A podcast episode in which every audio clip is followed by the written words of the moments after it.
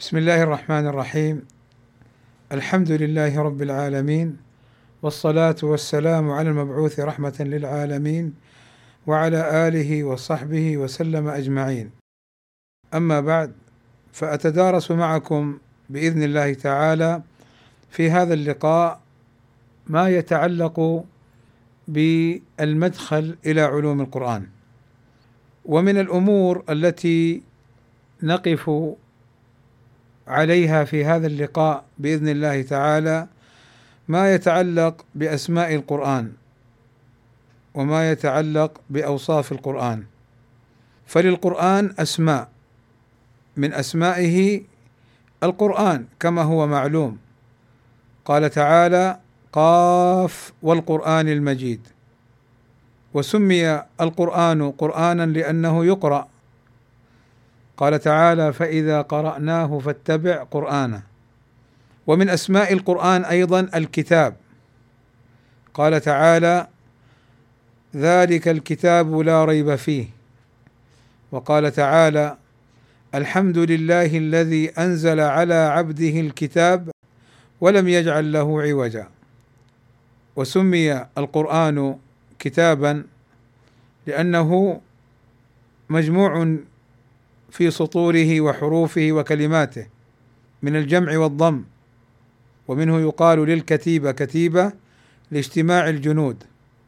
فالقرآن من أسمائه الكتاب ومن أسماء القرآن الفرقان. كما قال عز شأنه تبارك الذي نزل الفرقان على عبده ليكون للعالمين نذيرا. وسمي القرآن فرقانا لأن الله عز وجل فرق به بين الحق والباطل. ويسمى أيضا الفرقان قيل لأنه نزل مفرقا. والقرآن فرقان فرقان بين الحق والباطل.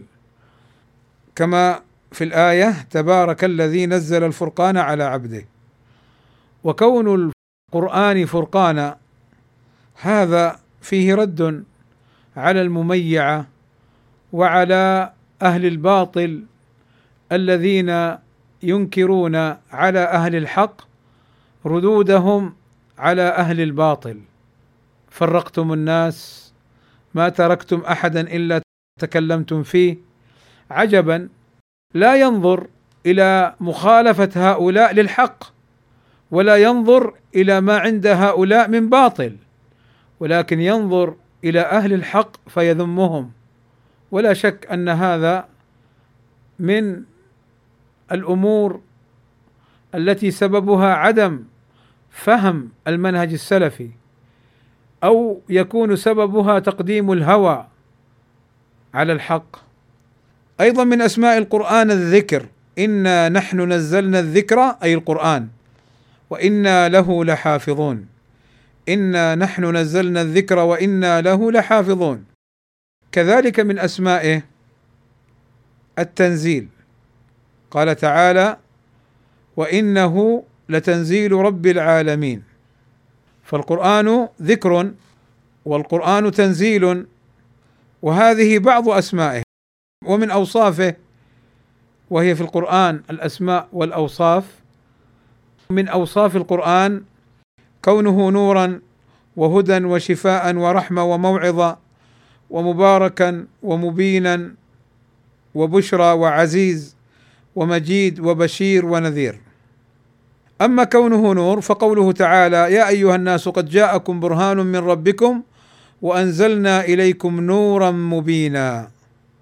فالقرآن نور يضيء لأصحابه العاملين به الحافظين لحروفه وحدوده يضيء لهم في الدنيا والآخرة. والقرآن هدى يهدي القلوب للإيمان ويهدي العقول للحق ويهدي الفطر للاستقامة وشفاء. شفاء لما في الصدور شفاء للأهواء. ولكن هذا إذا قرأه القارئ على فهم السلف وفي ضوء السنة النبوية وإلا فالخوارج يقرؤون القرآن. فالخوارج يقرؤون القرآن ولكنه لا يجاوز تراقيهم يعني لا يجاوز حلوقهم. فالقرآن لا أثر له في قلوبهم لم يدبروه فضلا عن أن يعملوا به. وأما القرآن الذي هو شفاء لأصحابه فلمن طلب منه الهدى ولمن التمس منه طريق الرشاد ولمن جعله أمامه يقوده إلى الجنة. والشفاء ورحمة. أنزله الله عز وجل رحمة للعالمين. وموعظة فيه ذكرى. ولذلك الإمام أحمد لما قيل له استمع إلى ما يقول الحارث المحاسبي من مواعظ ومن آه، خواطر ومن أفكار حول أمور الدين والآخرة ونحو ذلك. فلما سمعه حذر منه لأنه لا ينطلق من القرآن والسنة وفهم سلف الأمة وإنما ينطلق من قلبه وعقله اللذين لا يستقيمان على القرآن والسنة. فيتجاوز القرآن والسنة إلى غيرهما فلا يهتدي ولا يشتفي ولا تحصل له الموعظة. وقال أبو زرعة فيما أظن أو الإمام أحمد من لم يكن له في القرآن موعظة فلا موعظة له. قال يعني في من يطلب الهدى والموعظة والشفاء من غير القرآن. من القصص ومن الحكايات ومن التجارب ومن عقول الناس. قال لا موعظة له. قال البربهاري هذا الدين أنزله الله عز وجل وليس هذا الدين بعقول الرجال ولا آرائهم. ولذلك مر معنا فيما سبق التنبيه على هذه القضية. ما هي القضية؟ الخطيرة في نظري أن بعض الناس لما يأتي ويتعامل مع الشباب والدعوة وكذا ينزلها على رأيه وعلى عقله وعلى هواه ظنا منه أنه قدوة وأنه له الحق أن يفهم الدين على مراده بل ويحمل هذه الأفكار والوساوس على أنها المنهج السلفي. يحملها على أنها المنهج السلفي. بل ويعيب السلفيين الذين يتمسكون بالمنهج السلفي وأنهم يعني لا يراعون المصالح وأنهم يعني افسدوا بينما السلفي يمضي على السنة وعلى منهج السلف الصالح. فالذي يفسد هو الذي يدخل عقله وفكره ورأيه ويقدمه على الدليل وعلى المنهج. وكم ابتلينا بأمثال هؤلاء ممن تصدروا في الدعوة السلفية فأخذوا يحملون الناس على ما يرون هم ويذمون السلفيين من طلاب علم أو دعاة يذمونهم على تمسكهم بالمنهج السلفي. فلذلك هؤلاء لا يلتفت إليهم ولا إلى أقوالهم. الحجة في الدليل لا في فلان أو فلان فكل رأي أو قول يخالف الدليل فهو ذليل وكل معاند للحق فهو ذليل وكل معاند للحق فهو ذليل بلا شك بمعاندته وبإصراره على رأيه وتقديمه لرأيه على الدليل فهو ذليل. فلا تضيع دينك أيها السلفي باتباع ذاك الذليل. رايا كان أو شخصا معاندا للحق. وهذا هو موطن الكلام. بخلاف ما قد يفهمه بعض من لا يفهم بأن المراد بذلك العموم. لا إنما المراد أن من خالف الحق معاندا مصرا مستكبرا أو مقدما لهواه. على الحق فلا شك أنه ذليل. وجعل الصغار والذلة على من خالف أمري كما في الحديث. قال تعالى يا أيها الناس قد جاءتكم موعظة من ربكم وشفاء لما في الصدور وهدى ورحمة للمؤمنين. والقرآن مبارك قال تعالى وهذا كتاب أنزلناه مبارك مصدق الذي بين يديه. فلا شك أن القرآن مبارك. فيه من الخير والبركة. وفيه من الهداية الشيء الكثير. الشيء الكثير. ولذلك إخواني بارك الله فيكم. من أراد الخير والبركة والنفع والهداية فعليه أن يقرأ القرآن وأن يكثر من قراءته بتدبر وتفهم وتعقل فإنه يهتدي بهداه في ضوء السنة وآثار سلف الأمة. ومبين قد جاءكم من الله نور وكتاب مبين أي واضح بين يوضح الحق فيتبع ويرد الباطل فيجتنب. وبشرى مصدقا لما بين يديه وهدى وبشرى للمؤمنين. فيه البشارة للمؤمنين بالفوز بالجنة ورضا الله عز وجل وأعلاه النظر إلى وجه الله عز وجل. أسأل الله عز وجل أن يجعلنا جميعا من أهل الجنة الناظرين إلى الله عز وجل. قال وبشرى مصدقا لما بين يديه وهدى وبشرى للمؤمنين. لذلك المؤمن يصبر ويحتسب. ويعلم أن العاقبة للمتقين ولا يضعف ولا يستسلم ولا يجبن ولا يرتد. كم سمعنا أن بعض الناس يعني ارتد عن دينه. يا أخي جاءك الحق المبين من الله عز وجل. وأما هؤلاء الناس الذين يتخبطون بأهوائهم أو الذين هم مندسون في الصف السلفي لا تلتفت إليهم ليسوا هم الدين. الحق لا يعلق بالرجال. اعرف الحق تعرف أهله. فيثبت المؤمن ويعلم أنه على الحق. بدأ الإسلام غريبا وسيعود غريبا كما بدأ. فطوبى للغرباء.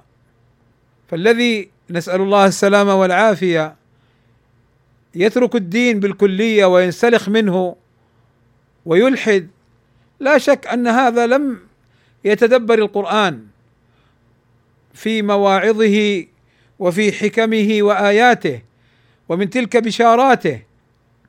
الإنسان لما يبشر بشيء يحصل له نوع فرح وسرور ونوع صبر على الأذى لأنه يعلم أن هذا عرض زائل وأن الآخرة هي دار الحيوان والحيوان أي دار الحياة الكاملة لا منغص فيها ولا كدر ولا مرض فيها ولا نصب ولا وصب بل فرح وسرور وعافية ورضا من رب غفور رحيم.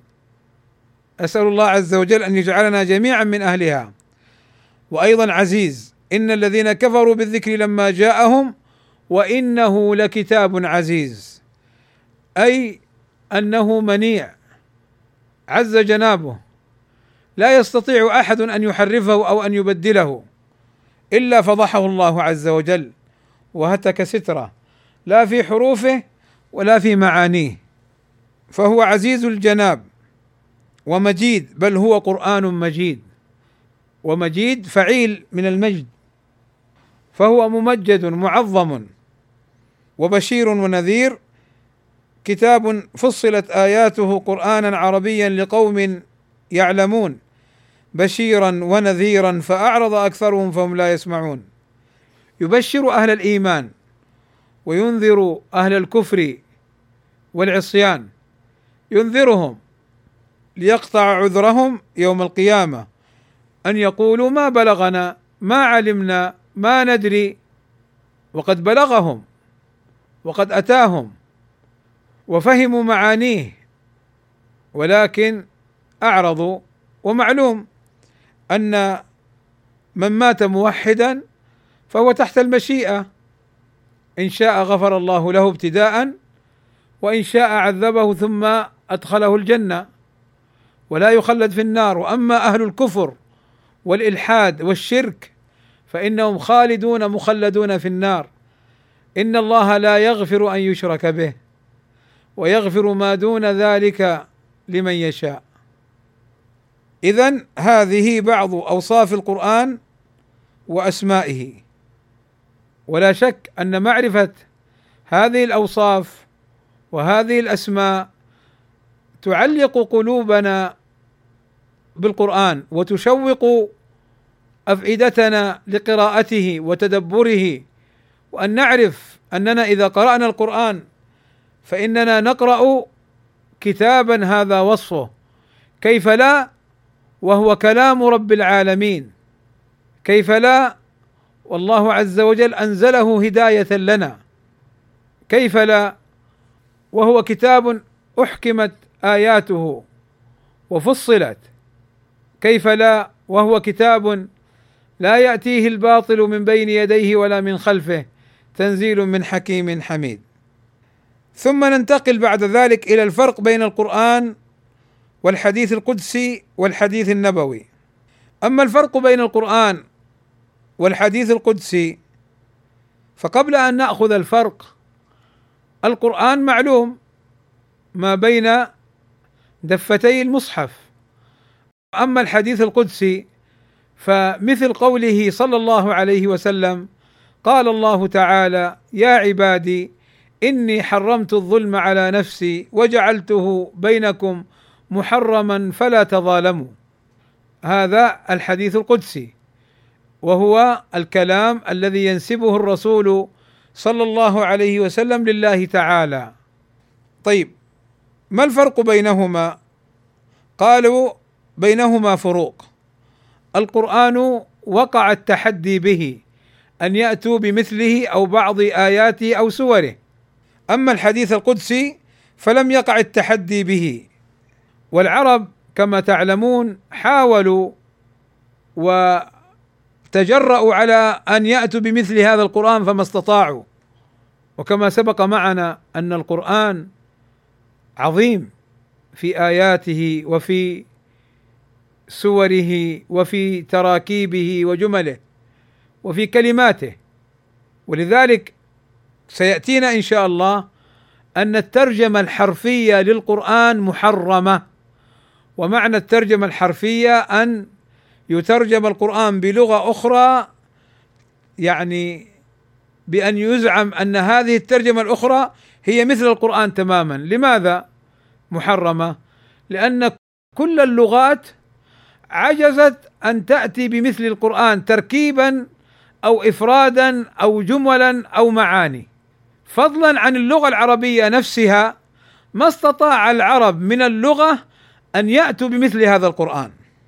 كذلك الفرق الثاني بين القرآن وبين الحديث القدسي أن القرآن منقول بالتواتر جميعه. كما تعلمون من شروط نقل القرآن أن يكون متواترا بمعنى نقل الكافة عن الكافة. نقل كثير عن نقل كثير ومن شروطه موافقة الرسم العثماني ومن شروطه أن يوافق وجها عربيا كما سيأتي إن شاء الله في محله.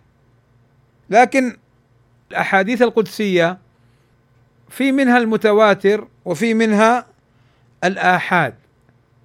يعني ما رواه الواحد والاثنين والثلاثة إلى التسعة. وأيضا الأحاديث القدسية بعضها ثابتة وبعضها ضعيف لا تثبت لأنها نقل آحاد ورواها بعض الضعفاء ففيها الصحيح والحسن والضعيف. وأيضا من الفروق أن القرآن متعبد بتلاوته. ومعنى التعبد بتلاوة القرآن أن يقرأ به في الصلاة. فالمعنى متعبد به متعبد بتلاوته في الصلاة. وأما الأحاديث القدسية فلا تقرأ في الصلاة لأن الذي يقرأ في الصلاة القرآن. وهنا أنبه على فرق أنبه على فرق يذكره بعض الناس للتفريق بين القرآن والحديث القدسي. فيقول القرآن لفظا ومعنى من الله. وأما الحديث القدسي فمعناه من عند الله ولفظه من عند الرسول صلى الله عليه وسلم. وهذا خطأ لأن الرسول صلى الله عليه وسلم يقول قال الله تعالى يقول الله تعالى. فيصرح بأن هذا القول قول الله عز وجل. فهذا دليل على أن الحديث القدسي لفظه ومعناه من عند الله. دليل آخر ما يجيء في الحديث القدسي من قوله يا عبادي إني حرمت تاء المتكلم. الظلم على نفسي يا المتكلم. وجعلته بينكم حراما فلا تظالموا. يا عبادي فهذا الكلام يوضح لنا أن الحديث القدسي لفظه ومعناه من عند الله عز وجل. الدليل الثالث أن الرسول صلى الله عليه وسلم يفصل بين كلامه وبين كلام الله. كيف؟ يقول صلى الله عليه وسلم في الحديث كل عمل ابن آدم له إلا الصوم. يقول الله فإنه لي وأنا أجزي به. وأنا هذا ضمير المتكلم. وأنا. اذا هذه ثلاثة أدلة على أن الحديث القدسي لفظه ومعناه من الله.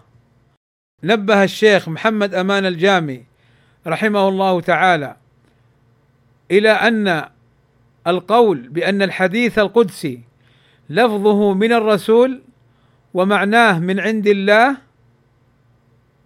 أن هذا تأويل كتأويل الأشاعرة أو موافق لقول الأشاعرة.